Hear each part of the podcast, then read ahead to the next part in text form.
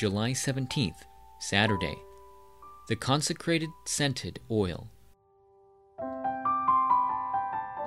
Exodus chapter 30, verses 22 through 33.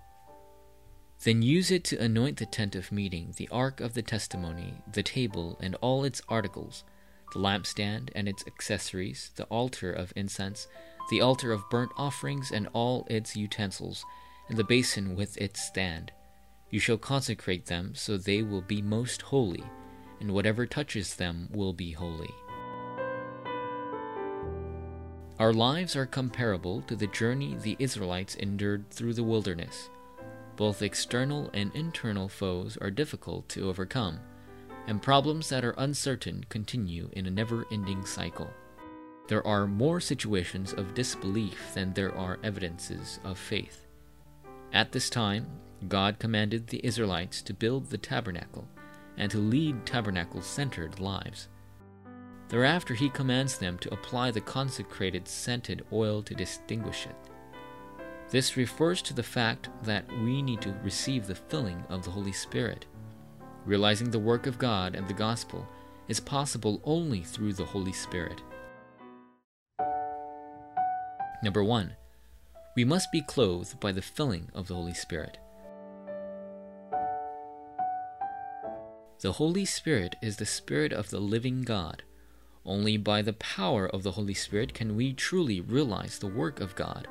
The Holy Spirit personally aids us in our times of weaknesses, and he laments for us. Romans chapter 8 verse 26. David too was clothed by the power of God after being anointed with the Holy Spirit.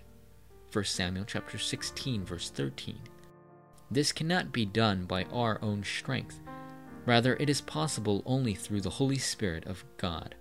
Zechariah chapter 4 verse 6.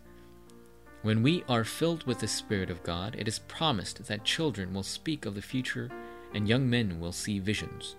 Joel chapter 2 verse 28. Such promises are the word of God that will absolutely be fulfilled.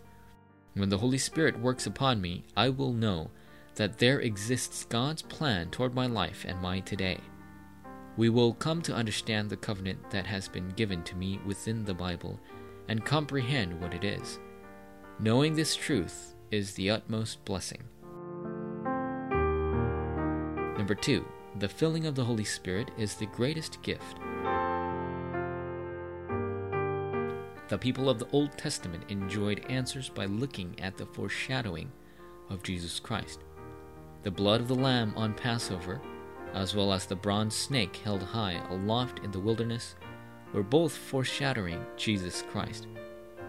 By the coming of Jesus, the work of Christ was fulfilled. The covenant of the Old Testament was complete in the Old Testament. By the power of the blood of the cross, anyone with salvation can receive the filling of the Holy Spirit. The blessing of the royal priesthood has been restored to us. 1 Peter chapter 2 verse 9. The moment we believe in Jesus, the authority of a child of God is vested in us. This is the spiritual truth that will occur to those who actually believe. It is recorded, but the counselor, the Holy Spirit, whom the Father will send in my name, will teach you all things and will remind you of everything I have said to you. John chapter 14 verse 26. This very Holy Spirit is with us presently it is imperative that we come into contact with the Holy Spirit during worship, prayer, praise, and meditation. Our foremost prayer topic must be seeking the filling of the Holy Spirit. That is because the Holy Spirit is the power of God that works in our lives. Forum topic Pray to be filled with the Holy Spirit, who is the consecrated scented oil in all aspects of your life and soul today.